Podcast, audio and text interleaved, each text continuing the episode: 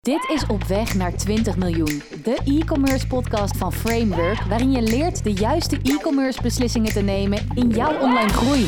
Een goedemiddag, leuk dat je luistert naar wederom een nieuwe aflevering van Op Weg naar 20 miljoen. Dit keer iets anders, want we staan vandaag in de studio met uh, Thomas en Leandro, twee collega's, nou ik erbij drie, en we gaan het jaar afsluiten. Heren, alles goed vandaag? Uh, ja, top. Het was een beetje, het was fris onderweg hier naartoe, ja, maar zeker koud. dat mag ook in deze tijd van het jaar. En Thomas, hoe... Ja, bij mij gaat het altijd goed. Ze zeggen altijd met slechte mensen gaat het altijd goed. Dus uh, nee, nee, gaat goed. Gaat en, goed. en, de vervolgvraag wordt, hoe gaat het met e-commerce? Want dat is uh, wat we vandaag willen bespreken met z'n, met z'n drieën. Een korte evaluatie van wat er gebeurd is in 2022, een vooruitblik naar 2023. En vooral onze eigen mening van wat wij zien gebeuren en wat wij daarvan vinden. Uh, ja, misschien om af te trappen, Thomas. Wat is er gebeurd in 2022 in e-commerce land? Ja, wat, wat is er bijna niet gebeurd, kan ik me bijna wel zeggen. Ik... Laat zo zeggen, we zijn uit uh, 2020, 2021 gekomen uh, met z'n allen. Met denk ik eigenlijk wel een beetje een jubelstemming. Uh, hè, de, de, wereld overigens niet hè, met corona. Maar in de e-commerce, ja, laat zo zeggen, kon het eigenlijk niet op. en dan kom je ineens in, in 20, 2022.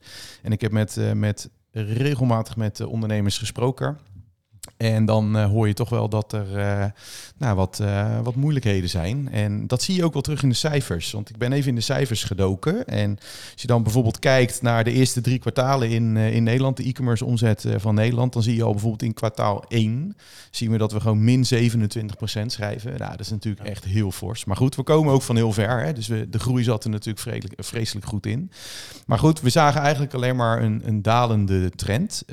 Q2 min 12, klein beetje afnemend. En Q3 gelukkig dan weer een beetje groeien volgens, het, uh, volgens het CBS. Maar dat is ook wel interessant om daar dan heel nog eventjes verder op in te zoomen. Want ze schrijven daar dan ook in dat uh, de groei voornamelijk wordt, uh, wordt behaald door de de winkels die een omni-channel strategie hebben. Dus die enerzijds fysieke winkels hebben en anderzijds ook online actief zijn. Want de pure players doen eigenlijk toch een stuk minder goed. Mm -hmm. Uh, en nou, de groei komt ook wel heel grotendeels door inflatie.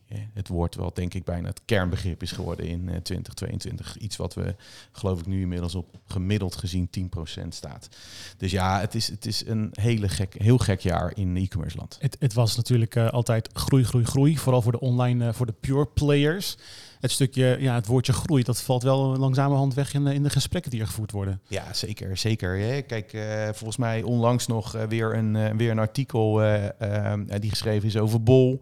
Waarin we eigenlijk zagen dat Bol natuurlijk ook flink in de, in de lift zit. Zit overigens qua groei nog steeds wel in de lift. Maar ja, is ook van plan om te gaan reorganiseren. En dat is natuurlijk, als we kijken naar in de e-commerce players, dan zijn er heel veel partijen die, die daar naar, naar kijken. En. Ja, als die dan uiteindelijk uh, zit even te kijken, volgens mij iets van uh, 300 banen schrapt, ja. ja. dan is dat altijd ook een signaal. Zij zeggen overigens iets anders. Zij zeggen van joh, uh, nou ja, het is niet zozeer het feit dat het niet goed gaat, maar we hebben in de afgelopen jaren alleen maar groei gezien en nu gaan we eigenlijk meer voor rendement, voor winst. Ik denk leuk om misschien een stukje inzicht als bureau te delen, Leandro. Uh, wij werken voor klanten, voor webshops. Um, merk jij iets gebeuren in wat we doen met de klanten een afgelopen, afgelopen jaar? Doen we meer, minder? Zijn we anders aan het werk? Ja, we zijn vooral anders aan het werk. Waar eigenlijk voorheen hè, was omzet, omzet, omzet. Ja. En dat is in uh, 2020, 2021 ook altijd zo geweest. Nou, je ziet dat die uh, stagneert en in sommige gevallen zelfs uh, minder wordt. Kan gebeuren. maar je ziet nu wel dat veel ondernemers, ja, we gaan slimmer kijken. Dus op het moment dat je niet kan groeien aan de, aan de voorkant, waar kan je aan de achterkant snijden in kosten? Dat is vaak het makkelijkste. We hebben het al over ontslagen, ontslaan van personeel gehad. Dat is vaak heel drastisch. Maar je ziet uh, dat er heel veel andere manieren zijn om uh, minder geld uit te geven, dus meer rendement te halen. En, en, dat is wel mooi, want dat is vooral waar, waar we intern vaak over spreken. Want het, het schrappen van personeel, het laten gaan van personeel, dat is in vrij recht toe recht aan. Want uh, je maakt kosten, als je die wegstreept, dan ja, heb je minder kosten. Maar wat zijn nou manieren om op lange termijn op een andere manier kosten maken of op een andere manier juist uh, rendement te creëren. Daar hebben we het ook vaak over gehad, intern. Uh, wat is onze blik daarop? Wat gaan wij doen? Wat zijn wij van plan om richting volgend jaar anders te gaan doen uh, binnen e-commerce? Ja, als ik hier, nou, misschien een open deur, misschien ook niet. Maar eigenlijk een van de makkelijkste manieren is zorgen dat je minder retourbestellingen hebt. En dat kan eigenlijk op, ja. dat kan op twee manieren. Eén, zorgen aan de voorkant dat je klant eh, eh, tevreden is. Dus dat ze het juiste product bestellen. En dat ze dan, eh, ja, dan hoeven ze niks terug te sturen. Eh, en aan de andere kant, eh, ik noemde een tweede, maar eigenlijk is dat eh, eigenlijk gewoon de kern. Ja, Ja, maar hoe zorgen we ervoor, zeg maar, dat we uiteindelijk eh, eh, die klant tevreden houden? Ik denk dat dat natuurlijk ook een belangrijke rol speelt in, eh, in die dienstverlening die wij ook, ook bieden. Ehm, in die zin is het zo dat op het moment dat je zegt van oké, je wil de verwachting van de klant op orde hebben, niet alleen qua product, maar ook uiteindelijk dat het product voldoet aan, aan de wensen. Dan denk ik dat productinformatie Ja. en, eh, van essentieel belang is. En dat gaat natuurlijk verder dan alleen maar een stukje tekst, maar het gaat ook over uitleg. Hè. Als je bijvoorbeeld in de fashion kijkt, dan zie je natuurlijk steeds meer initiatieven die ervoor zorgen dat, eh, ehm, ja, dat je beter kan zien of iets wel of niet bij jou past of goed past. Maar wat ik ook interessant vind, is we kunnen natuurlijk heel erg als, eh, als, als e-commerce partij nadenken over het, het feit van oké, hoe zorg ik er nou voor dat ik die klant zoveel mogelijk kan ontzorgen voor, een, eh, eh, voor het aankopen van een product met al die informatie, met alle tools die we er hebben zitten. Maar ik durf het ook eens in te zetten of in te gooien. Dan zeggen van, maar waarom maken wij retouren altijd gratis? Eh, eh, want dat zorgt er uiteindelijk ook voor, zeker in fashion, is dat mensen gewoon denken van, nou, weet je, die hele maatboog eh, van S tot en met L, nou, die bestel ik gewoon, want ik kan er toch drie of vier terugsturen. Dat maakt allemaal niet uit. Maar op het moment dat jij een drempel op, en dat zie je nu heel langzaamaan gebeuren, hè, het, is, het is heel spannend, omdat mogelijk je concurrent zegt van ja, nou, bij ons is het allemaal gratis. En eh, in plaats van die 15 dagen verplichte retourtijd eh, doen we er gewoon 90 of doen we er drie maanden van maken, weet je. Dus we maken het de klant zo makkelijk mogelijk.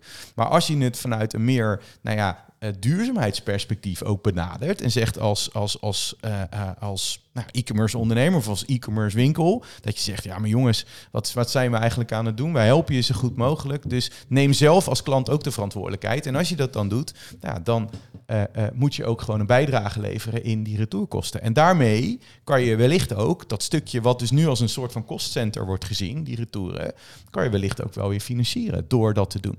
Hè, het neemt dan misschien niet helemaal die retouren weg. Want mensen, als ze iets verkeerd bestellen, moeten iets kunnen terugsturen. Maar het, ma- het verhoogt mogelijk wel de drempel. Ik zou dat zeker ook eh, wel durven te proberen. Vanuit eh, marketing eh, oogpunt, Leandro, eh, retouren, 90 dagen? Eh, ehm, ja, ja en nee. Eh, wat Thomas aangeeft, eh, enerzijds eh, plaats je zelf eh, misschien eh, onder de concurrentie als je het puur over, puur over prijs hebt. Eh, aan de andere kant, als je kijkt naar, ik doe al een klein beetje de blik eh, vooruit, het stukje maatschappelijk verantwoord eh, ondernemen, een stukje duurzaamheid. Ja. Eh, het hele verhaal wat je wilt vertellen als bedrijf, ook online, eh, wordt steeds belangrijker. Dus ik denk dat als je op deze manier eh, dat goed over kan brengen, dat mensen daar begrip voor hebben. En dat ze dat, eh, dat, dat prima kan. Ja, zolang het maar in mijn ogen authentiek is. Hè, dus Ja. dat, dat het echt een verhaal is die goed past bij jouw missie, bij je, bij je merk. Hè? Want duurzaamheid, eh, eh, heel eerlijk, we hebben er eh, volgens mij in, ons, in onze twee uur lange podcast tijdens onze recordpoging, waar we onderdeel van waren, ook over gesproken. Laten we wel wezen, eh, ehm, ik, ik, ik, ik zat iets te lezen en ik vond eh, die parallel wel heel mooi. Dat ze zeiden van, we hebben de koopman en de dominee. Eh, eh, en toch wint de koopman heel vaak in Nederland. Terwijl het in andere landen echt wel al een klein beetje anders is. Dus met andere woorden, duurzaamheid eh, zit daar iets, iets dieper in, in de gene, in de DNA van, Ja. van de consument. Maar in wij als Nederlander zijn toch nog steeds wel de koopman en gaan eigenlijk, maken nog steeds wel heel erg keuzes op geld. Ja. En nou ja, daarom vind ik hem ook wel interessant om hem te durven neer te zetten. Omdat je dan misschien weer een afweging maakt. Maar goed, het is, het is tweeledig. Hè? Dat je als consument dan misschien ook zegt van nou, dan bestel ik hier niet. Want dan loop ik een bepaald risico. Maar als je maar voldoende eh, in mijn ogen maatregelen hebt genomen om ervoor te zorgen dat mensen eh, eh, geen enkele reden hebben om het product terug te sturen, dan ja, denk ik dat we ver kunnen, ver kunnen komen op dat vlak. Want je wilt uiteindelijk een win-win situatie met dat stukje duurzaamheid. Je wilt niet als ondernemer alleen maar je meer kosten maken. Nou, sommige ondernemers willen dat waarschijnlijk wel trouwens. Maar je wilt natuurlijk wel een win-win situatie. Je wilt een bepaalde type klant aantrekken. Je wilt zelf ook een goed geweten hebben met je onderneming. Wat zijn win-win situaties? Misschien voorbeelden in de markt. Waarin we zien dat ehm, ehm, enerzijds de ondernemer bezig is met duurzaamheid. En ook daar tegenover staat een uplift in, eh, in de omzet. Nou ja, echt een, voorbeeld vind ik, vind ik lastig om het zo even te benoemen. Maar ik, ik, ik heb denk ik wel een, een aantal dingen die van belang zijn om uiteindelijk duurzaamheid tussen de oren van, eh, van jouw consument te krijgen. En dat gaat eigenlijk toch wel een klein beetje om gedragsverandering. Ehm, eh, ik zat te lezen, het zijn, het zijn een aantal elementen die daarin van, eh, van, van invloed zijn. Het begint over sociale invloed. Wij zijn sociale dieren, mensen zijn sociale dieren. Dus met andere woorden, als een ander ook iets doet op het Ja. gebied van eh, duurzaamheid en die vertelt daarover, dan voel jij je toch wel meer eh, genoodzaakt om daar zelf ook iets mee te doen. Dus met andere woorden, op het moment dat ja, mensen om je heen uiteindelijk het steeds meer omarmen, dan denk ik dat eh, dat, dat ook eh, zeker iets is wat, eh, wat, wat gaat werken. Ehm, gewoontes. Hè, je moet gewoontes gaan creëren. Ik zag het, dat is dan wel een voorbeeld, maar dat is meer vanuit offline. Weet je, wij denken niet meer na over bijvoorbeeld het recyclen van plastic flessen. Hè, wij krijgen daar, en dat is eigenlijk een combinatie ermee, zolang ik een persoonlijk eh, voordeel eruit haal. Als ik mijn fles cola terugbreng naar de supermarkt, dan krijg ik daar iets voor terug. Nu die kleine flesjes, ik krijg daar iets voor terug. Dat is een stimulans, ook al is het een financiële stimulans, Ja. om iets te doen. Dus je ziet ook wel, en dan komt denk ik weer dominee Koopman om de hoek. Eh, eh, op het moment dat ik er beter van word, dan zal ik dat doen. Dus vanuit dat soort perspectieven zou je natuurlijk daarnaar kunnen, naar kunnen kijken. Maar eh, eh, wat ik wel een interessant voorbeeld, voorbeeld vind eh, met betrekking tot duurzaamheid, is natuurlijk onlangs, we zijn net de, de Black Friday Week, zal ik het maar noemen, en de Cyber Monday Week voorbij. Eh, eh, en je ziet dan toch wel initiatieven, zoals Dille en Camille, die dus eigenlijk vanuit dat perspectief zeggen van ja, weet je, wij vinden dat niet duurzaam. Hè? Eh, overconsumeren is niet meer van deze tijd. Dus wij starten een nieuwe beweging en zeggen eigenlijk van joh, wij maken een Green Friday ervan. En zij gaan zelfs zover, maar dat zeg ik, dat is die authentieke houding van Dille en Camille, die dus zegt, zeggen wij sluiten onze winkels, maar ook online. Nou, dat vind ik wel een statement. Dat vind ik wel heel stoer. En eigenlijk is het al gek dat we dat stoer vinden. Ja. Want je zou eigenlijk ook kunnen zeggen van ja, je moet dat met z'n allen omarmen. Ja, en tientallen winkels zijn dat. Niet niks. Nee, zeker, zeker. En en, en nou ja, de ondernemer in mij zal dan ook wel weer denken van ja, het zal hun ook wel weer wat brengen. Hè? Want we zeggen als het een authentiek verhaal, het zijn natuurlijk, het is een bepaalde eh, eh, doelgroep die ze daar ook mee aanspreken. Dat is ook de doelgroep die ze heel graag willen aanspreken. Dus met andere woorden, ze krijgen daar veel media-aandacht omheen. Dus ik zeg, het, aan de ene kant denk ik van joh, het is een heel mooi en nobel initiatief. En aan de andere kant denk ik dat het vanuit een ondernemersperspectief ook nog wel eens heel slim kan zijn als jij een van de eerste bent die daar, een, termijn sowieso. ja, ja. daar actief mee aan de slag gaat. En eh, ehm, weer een, een, een vraag vanuit onze eigen inzicht als bureau. Zijn klanten bereid om extra te betalen voor iets als duurzaamheid of, of iets anders, iets, iets goeds buiten het product zelf? Dat, Gebeurt dat? Ja, dat denk ik wel. Ik denk als wij, eh, als wij kijken naar ons eigen klantenbestand, eh, wij werken voor eh uh, Correct Boek. Nou, die hebben als doel zeg maar om ehm, eh 1 miljoen boekjes te schenken aan Afrika, om, daar, om te zorgen dat kinderen daar kunnen lezen en schrijven.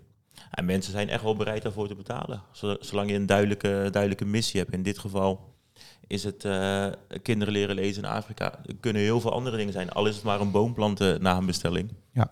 Ik denk wel dat de consument daar bereid voor is te betalen. Maar Zeker. Dit is dan een mooi voorbeeld van een win-win situatie eigenlijk. Ondernemer blij, klant blij. Ja. ja, zij zijn echt een Ja. sociaal onderneming. Ja. Dus dan past het, hè, dan past het ook weer bij de, eh, nou ja, ik zal niet zeggen strategie, maar dan past het gewoon helemaal bij de missie van het bedrijf. Dus met andere woorden, van op het moment dat jij, eh, nou ja, in dit geval sociale impact, en Correct Boek gaat dan in mijn ogen nog één stapje verder. Die hebben zeg maar twee eh, hele mooie doelen. Die hebben enerzijds de sociale impact om het analfabetisme uit de wereld te helpen. Aan de andere kant is het natuurlijk het product, het uitwisbare no- notitieboekje, is ook uiteindelijk een heel goed voorbeeld voor duurzaamheid. Maar ook daarin eh, moet je dan wel blijven nadenken als, als ondernemer eh, eh, en als sociale ondernemer van oké, maar weet je, wij zijn helemaal ook voor duurzaamheid. Dat betekent ook van hoe gaat dat dan in die last mile bijvoorbeeld? Ja, komt dan nog steeds zo'n stinkend DHL-busje voorrijden? of doe je bijvoorbeeld in de steden dat met, met andere bezorgers die wellicht een, een fietscourier hebben?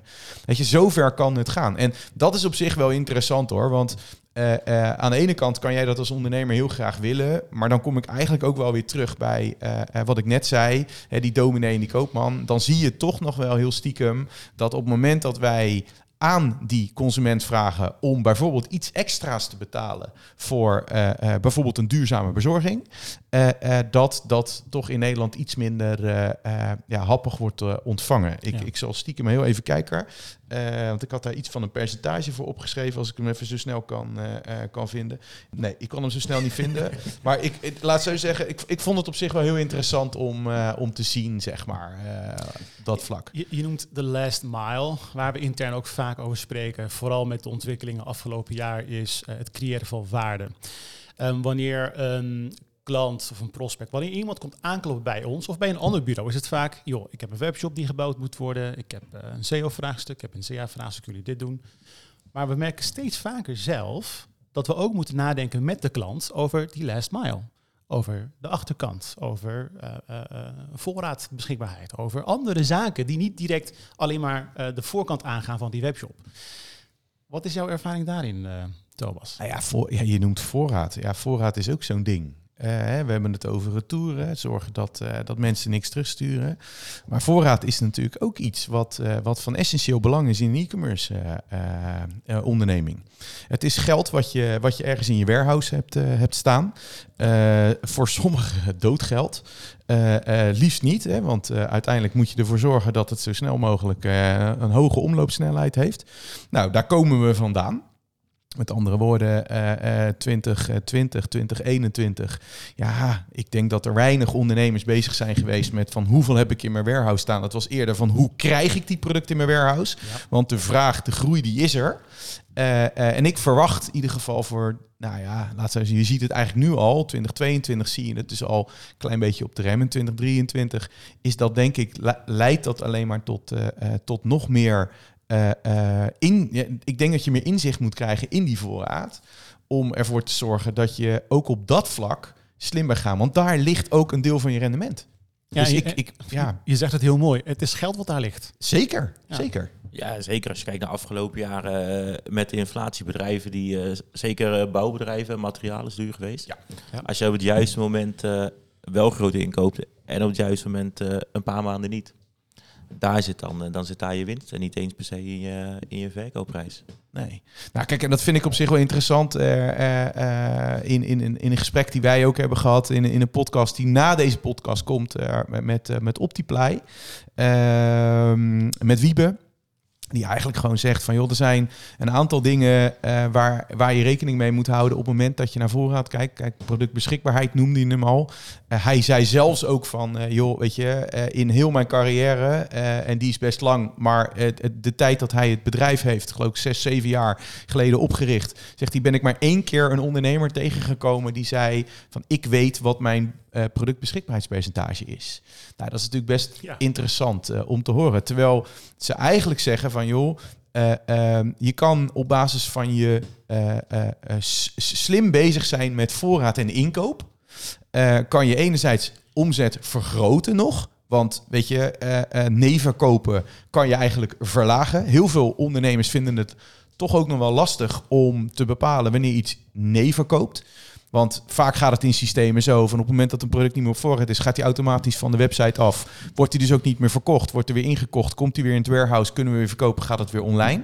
Eh, eh, daarvan zegt hij van joh, op het moment dat je met slimme tooling aan de slag gaat, kan je voorkomen dat die van de website afgaat. En kan je dus rekening houden met uiteindelijk ook trends en ontwikkelingen. En dat gaat natuurlijk veel verder dan eh, zeg maar alleen maar nadenken over er komt een, eh, een, eh, een, een, nou ja, Black Week, Black Week aan. Dat gaat ook over seizoenen, dat gaat over eventuele campagnes die je hebt draaien. Al die data, die kan je daarvoor voor, gebruiken. Waarmee je dus enerzijds die nee-verkoop kan verlagen. Maar de andere kant, en ze maken onderscheid tussen A, B en C producten. Eh, eh, die term kende ik heel eerlijk gezegd, eh, voordat ik hem heb gesproken, nog niet.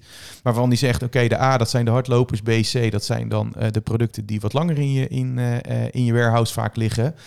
Ook daar kan je slim mee omgaan om ervoor te zorgen dat die kosten naar beneden gaat. En dan komen we eigenlijk weer waar we het net over hadden. Van op het moment dat het niet zit in groei, Ja. Dan zit het dus in dit geval, zou je het dus kunnen kijken van joh, eh, ik zal niet zeggen ga eens met de stofkam eh, door je warehouse. Maar ga daar zeker ook eens naar kijken. Want daar zit ook gewoon geld wat je wellicht veel efficiënter kan gaan, eh, gaan benutten. Waardoor je meer cashflow. En ik denk dat cashflow steeds vaker een, ja, een Ja. topic gaat worden. Het, het, woord van de afgelopen jaren was groei, groei, groei. Nu Ja. cashflow, cashflow, cashflow ja, waarschijnlijk. ja, Het komt uiteindelijk neer op die data. Want ehm, je moet inzicht hebben in die zaken. Je moet inzicht hebben in die retouren. Waarom, hoeveel retouren heb ik? Waarom worden ze geretourneerd? Ehm, die data, in onze ervaring, wordt goed aangewerkt. Er is verbetering, maar is nog niet helemaal op orde. Leandro, hoe, hoe, hoe staat het voor met, met data bij webshops? Heel wisselend. Eh, er zijn echt nog genoeg webshops die, eh, die alles op, eh, op onderbuik doen. En het zal wel, het zal wel ongeveer kloppen. Eh, als je ziet de data waar uiteindelijk op gerapporteerd wordt, eh, komt eh, of uit de backend. Maar daar zit vaak ook niet alle data in. Daar mis je bijvoorbeeld de retour in. Ja. Je omzet kan fantastisch zijn, maar als de helft terugkomt, dan, dan valt het toch stiekem tegen. Je ziet wel dat het bij veel bedrijven steeds hoger op de agenda komt te staan. Zeker omdat, we hebben het net over Optiply, nou, die doen aan voorspellende data. We gaan met Analytics gaan we naar GA4, daar zit een stukje voorspellend in. Eh, dat wordt steeds interessanter. En je kan eigenlijk alleen goed voorspellen, inschatten en rekening houden met trends die er eventueel aankomen als je data op orde is. En je ziet dat daar, dat er veel partijen nu echt wel een inhaalslag aan het maken zijn om ervoor te zorgen dat waar we op rapporteren, dat dat werkelijk klopt. Ja, en zelfs als je nu kijkt naar GA4, eh, ehm, ja, dat is, dat is echt wel een ding. Hè? Google Analytics. Ik denk dat voor heel veel e-commerce ondernemers, maar ik denk niet alleen voor e-commerce ondernemers, maar iedereen die met, eh, met online te maken heeft, eh, heeft denk ik wel iets met Google in een vorm van een statistiekpakket. Eh, Google Universal. eh.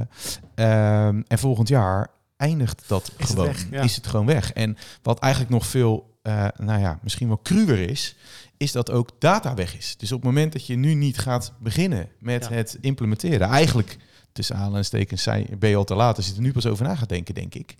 Ehm, is, het van, is het van belang dat je echt als de wie de weer gaat, daar iets mee gaat doen. Want ja, e-commerce is data. Dat is ook waarom het in mijn ogen zeg maar zo goed werkt. Je hebt zoveel inzichten waarop je kan sturen, waarop je uiteindelijk je beslissingen neemt. En dat zit zeker niet alleen maar op je website data, maar is wel een hele belangrijke. En op het moment dat je die voor een groot deel in historie kwijt bent, want dat is dus wat er voor ogen, hè, dat is eigenlijk Ja. wat er gaat gebeuren. Ja, je kan het, eh, je kan het een jaartje verlengen als je 360 erbij neemt. Oh, kijk. Maar eh, ja, in principe moet je En is dat voor iedereen mogelijk? Want dat, dat ken Ja. ik er niet, maar Ja, ja, ja.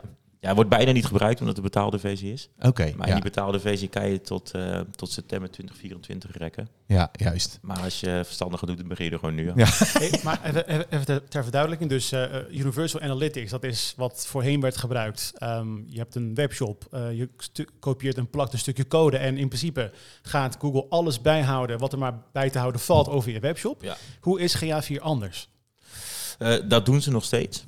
Eh, maar waar eh, Universal Analytics eigenlijk heel plat te rapporteren is... eh, hoeveel bezoekers heb je, hoeveel nieuwe bezoekers heb je... en waar komen ze vandaan? En hoeveel heb je uiteindelijk verkocht? En je kan er veel meer mee, maar dat is het een beetje plat in de basis. Zit dat stukje in GA4 nog steeds wel erin? Maar ze, je zit sowieso met een stukje GDPR, dus je kan, je kan wat minder trekken. Dus het wordt veel moeilijker om terugkerende bezoekers te trekken bijvoorbeeld. En GA4 gaat veel meer zitten in van oké, hoe kunnen wij niet alleen plat vertellen wat er is gebeurd, maar hoe kunnen wij eh, vertellen wat er gaat gebeuren. En eigenlijk wat ik zelf altijd het grootste verschil vind, wat het heel mooi aangeeft. eh, we hebben nu heel vaak gestuurd op eh, bounce rate. Nou, hoeveel mensen komen op je website en dan gaan eigenlijk meteen weer weg. Dat bestaat in GA4 niet meer. Maar daar zeggen, ze draaien het om en zeggen, oké, hoeveel sessies met engagement heb je? Ja. En die manier van denken, dat is denk ik het grootste verschil tussen eh, Universal Analytics en eh, GA4.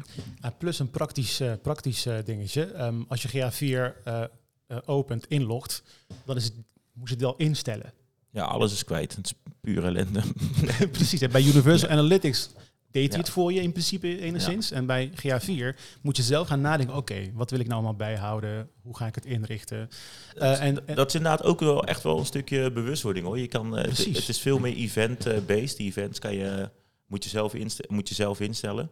En dat dwingt je ook om na te denken van oké, wat doet mijn webshop eigenlijk en welke events zijn voor mij belangrijk? ja, en, en kijk, elke ondernemer, wanneer die start, heeft hij direct inzicht hoeveel geld hij verdient. Want dat gaat hij bijhouden, dat gaat hij goed, goed bijhouden. Alleen de vraag van inderdaad, wat doet een webshop? Ja, daar wordt nu bewustwording rondom gecreëerd. Maar ook, hopelijk, daarmee bewustwording rondom eigenlijk algehele data. Zodat mensen misschien hopelijk ook gaan nadenken over, oké, heb ik een CDP? Hoe hou ik dat bij? Mijn productinformatie, is dat voldoende? Is dat goed ingericht? Dat is je gewoon eigenlijk langs de hele linie aan de achterkant van je webshop gaat nadenken, is mijn data goed ingeregeld? Ja, los van verzamelen en rapporteren gaan we denk ik nu uh, de stap maken. Uh, wat kan het voor mij betekenen? Ja, inzichten. zelfs. Ja. ja, inzicht. Zorgen dat je die inzichten ook en dan die ook weer doorvertaalt naar je eigen operatie. Ik denk dat dat ook heel belangrijk is. Dus ja. ook denk, hè, enerzijds natuurlijk een tip van joh, 20, 2023, dit is wat er aan staat te komen. En dus dan niet alleen maar verzamelen, maar ook daarnaar kijken en uiteindelijk daar iets mee doen. En ervoor zorgen dat het dus ook nou ja, geïmplementeerd wordt binnen je bedrijf. Want uh, dat wordt straks goud waard. Je ziet inmiddels al heel veel bedrijven die uh, ja, goed in het dataverzameling business zitten. Um, en wat je ook ziet bij grotere partijen, is dat ze nu apps introduceren. Bijvoorbeeld een IKEA of andere partijen. Omdat je dan volledig controle hebt over de data. Ja. Je wordt tegenwoordig, je kan geen uh, reclame meer kijken of je wordt doodgegooid met uh, download uh, onze app. En dat is denk ik ook een beetje vooruitlopend. Enerzijds, je wilt je eigen data over je eigen bezoekers en mensen op je eigen platform houden. En welk, ja, of binnen je eigen, binnen je eigen merk houden. om daar uiteindelijk iets mee te kunnen. En denk ik het stapje vooruit maken naar ehm, je gaat van third party naar first party. Ja. En op het moment dat je alles binnen je eigen app hebt, dan weet je zeker dat al jouw data jouw data is. Ja. En als je het eventueel door wil sturen, zolang het binnen de regels blijft, dan bepaal je dat zelf. In plaats van dat je afhankelijk bent van derde partijen die jou gaan vertellen wat er, uh, wat er gebeurt. Ja. Dus is die cookieless era, uh, era zeg maar, die, die ja. eigenlijk die er aankomt, of in ieder geval al natuurlijk ingezet is, zeg maar, van, ook vanuit de GDPR uh, richt, richtlijnen, zeg maar. Ik wil misschien hier eigenlijk wel een stukje, een stukje samenvatten richting, uh, richting volgend jaar. Want wat we eigenlijk nu steeds bespreken is data, data gedreven, weet je wel, tooling, inzicht hebben in. Um, de podcast heet Op weg naar 20 miljoen. Um, en wat wel interessant is, is inmiddels roept iedereen zijn data gedreven, maar die ondernemer die moet vaak ook nog steeds wel keuzes maken die niet data gedreven zijn. Weet je? Op weg naar 20 miljoen, de vraag van, joh, welke, uh, wie ga je aannemen? Als marketeer? Met wie ga je in zee als, als, als partner? Of welke e-commerce platform ga je kiezen? En dan heb je natuurlijk wel data enigszins, maar weet je wel, uh, uh, een uitgekoude roadmap, die is er nooit. Um, wat vind jij, hoe groot is de rol nog steeds van de ondernemer om die keuzes te kunnen maken in, nou goed, in, in het landschap van e-commerce, Thomas? Ja, die is heel groot die is heel groot. En uh, laat zo zeggen, nou ja, kijk, in die zin, er zijn heel veel dingen die je op basis van, uh, van data kan doen. Uh, dat is informatie die jij tot je krijgt, zeg maar. maar je moet denk ik ook wel vertrouwen in de partners om je heen, die op bepaalde vlakken ook ervaring hebben op, uh, uh, op activiteiten die je mogelijk in de toekomst wil gaan, uh, gaan doen. Dus in die zin denk ik dat je heel veel informatie voor jezelf hebt, maar daarnaast heb je ook heel veel partijen om je heen die je zou moeten vertrouwen en nou, laten we zeggen, moet, moet gebruiken om uiteindelijk de juiste beslissingen te nemen. En, en hoe navigeer je dat landschap? Want inmiddels zijn we in een tijd beland waarin je voor een webshop tools hebt. Je hebt overal heb je iets voor. Um, dus ja, met wie ga je in zee? Met hoeveel ga je in zee? Hoe navigeer je of je uh, een tool A wel gebruikt of niet en welk platform? Hoe, hoe, hoe ga je daarmee om? Want het zijn heel veel keuzes die je tegemoet staan. En je moet die keuzes gaan maken. Heb je daar hulp bij? Heb je een keuzehulp voor ondernemers ja. bij wijze van? Hoe doe je dat? Nou ja, kijk, ik, ik, ik, laat zo zeggen, ik denk dat er maar één ding uh, uh, uh, jou, zeg maar, de richting bepaalt. En dat is wat je wil bereiken met je organisatie. Dus waar, wat is nou uiteindelijk jouw doel? En op basis van het doel wat jij graag wil bereiken, ga je uh, afpellen naar van oké, welke strategie moet ik daarvoor gebruiken en welke middelen heb ik daarvoor nodig. Uh, wij zien uh, in, in, in, in toch nog best wel veel situaties dat een middel bijvoorbeeld centraal wordt gesteld. Uh, en dat kan, dat kan in sommige gevallen prima zijn. Op het moment dat je, uh, nou ja, laten we zeggen, een achter, uh, achtervang hebt in de vorm van mensen die werken met een bepaalde tool. En je zegt van oké, ik moet het gaan heroverwegen. Maar goed, ik wil dat die mensen gewoon in één slag mee kunnen. Dus ik blijf op een bepaalde route zitten. Maar ik denk altijd dat je moet blijven kijken als e-commerce ondernemer, maar dat is eigenlijk als ondernemer op, uh, uh, in het algemeen. Dat je moet kijken, wat is jouw doel zeg maar, met je bedrijf? Wat wil jij bereiken? En wat heb je daarvoor nodig? En dat geeft denk ik voldoende richting om uiteindelijk keuzes te maken. En er zijn er heel veel. En er zijn heel veel tools. Er zijn heel veel mogelijkheden om die route uh, te bewandelen. Uh, uh, dat betekent dus in mijn ogen nog een ander punt, is dat je ook wendbaar moet zijn. Dus met andere woorden, iets wat je gekozen hebt, wil niet zeggen dat je daar jarenlang maar op door moet blijven borduren. Hè? Dus op het moment dat je iets doet en je ziet dat daar mogelijk op een ander moment een betere alternatief voor is, zou je dat zeker moeten blijven afwegen. Dus een beetje de, de agile gedachte die wij als bureaus allemaal hebben, ja. waarin we zeggen van oké, we beginnen, we krijgen voortschrijdend inzicht. Het is het, het, denk ik een, een woord waar een opdrachtgever kriebels van krijgt, want die denkt ja, voortschrijdend inzicht, daar gaat de kostenkant alweer. Uh, maar dat is wel waar het vaak om draait. Van oké, je denkt iets te kunnen doen en uiteindelijk kom je tot de conclusie dat het uiteindelijk anders uitpakt. En wat doe je dan? Ga je dan door? Of maak je dan de keuze om te zeggen van oké, nou ik stop hier en ik ga weer iets anders doen. En ik be be bedoel daar niet mee te zeggen is dat je continu maar van koers moet wisselen. Want ik denk ook dat je een bepaalde vaste koers moet blijven, blijven behouden. Dus ik denk dat dat wel heel belangrijk is.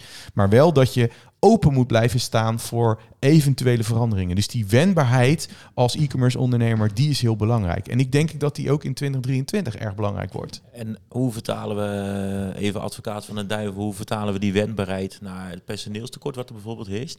Enerzijds, uh, ze zeggen eigenlijk het liefst uh, iedereen die je kan krijgen, die leg je met, uh, meteen zo lang mogelijk vast. Hoe zorgen dat je dan als organisatie makkelijk kan blijven opschalen en afschalen?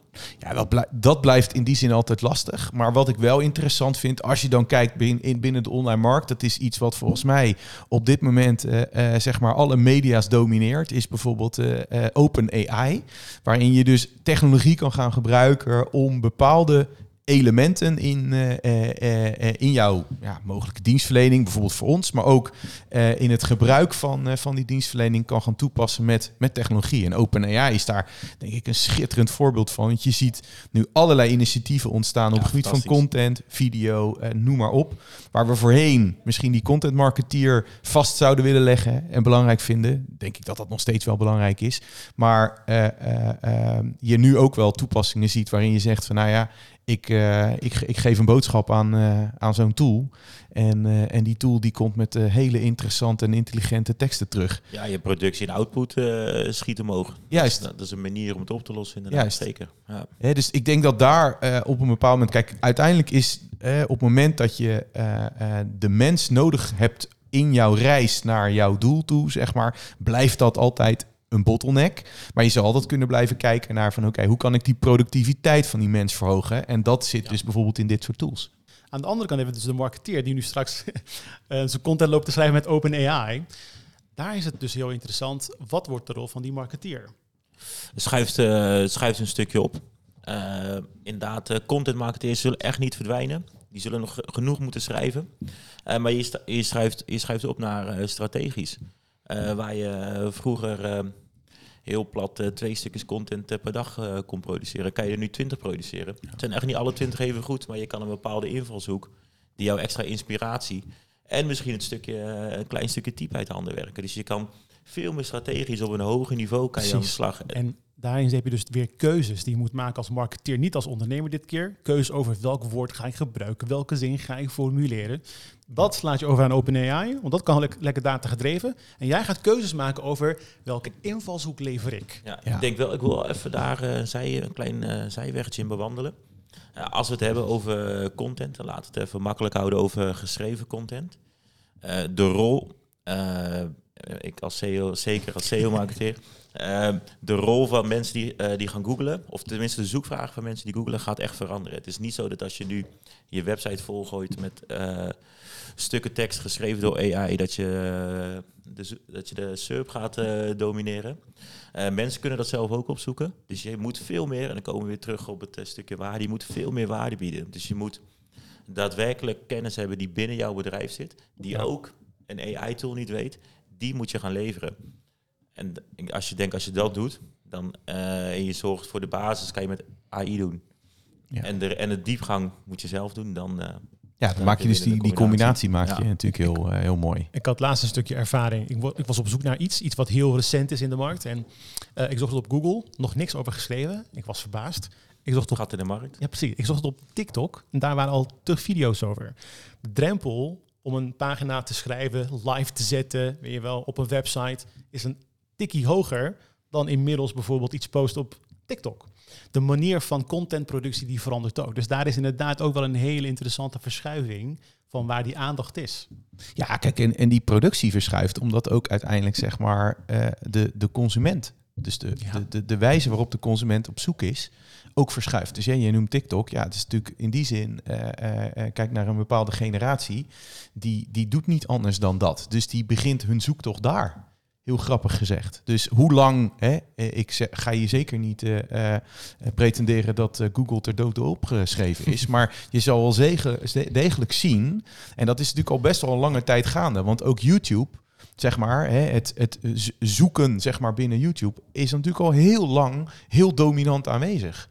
Want we praten over Google in de zin van tekst, maar uiteindelijk video en afbeeldingen zijn daarin net zo, net zo belangrijk. Ja, de rol, eh, ja, de rol van Google verandert. Ja.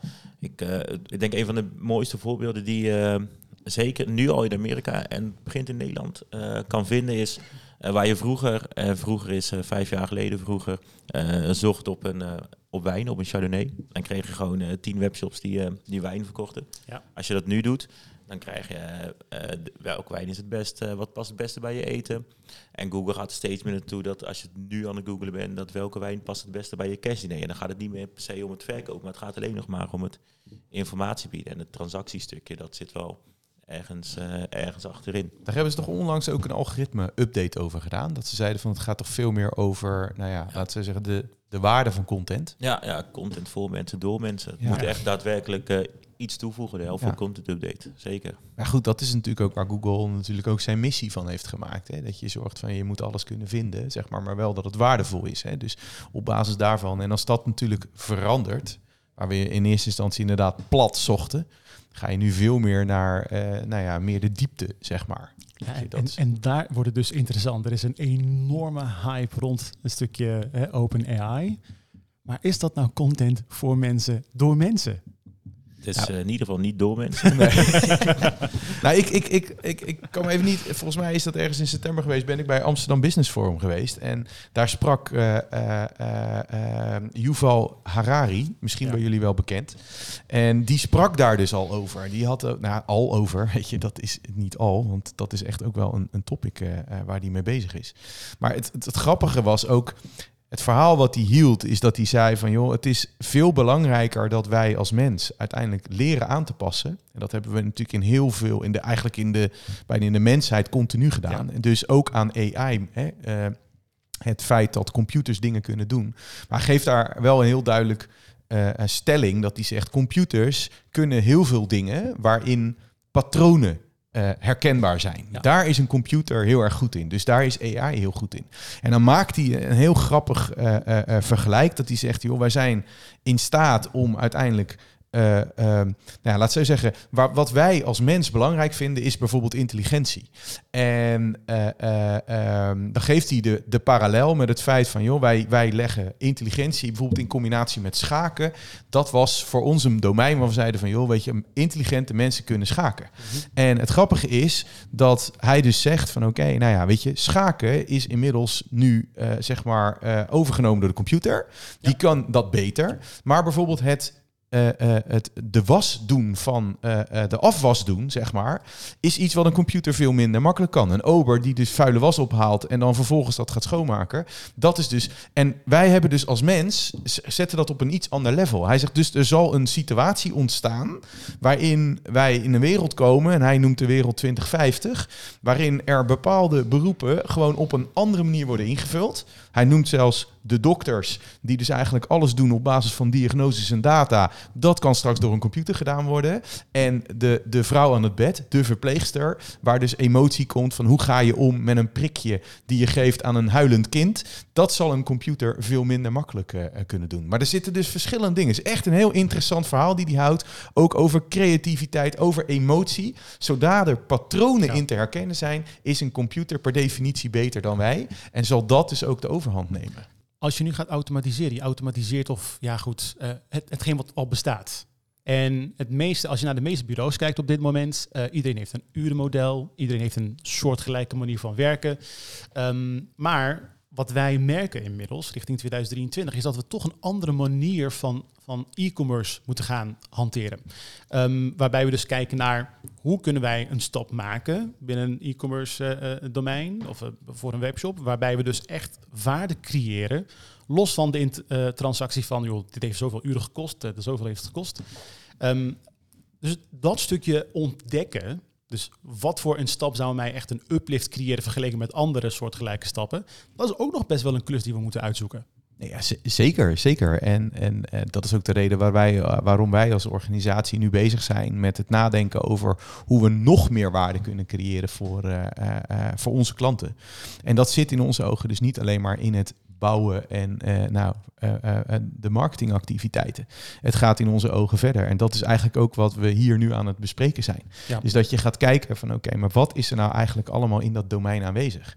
En ik denk dat als wij, hè, als je de podcastreeks van ons ook beluistert, zie je ook dat het uitsluitend neerzetten van een webshop in combinatie met marketing dat is eigenlijk heel erg gericht op die voorkant. Zorgen dat mensen uiteindelijk binnenkomen. Zorgen dat mensen confronteren. Dat is absoluut een belangrijk element. Laten we dat voorop stellen.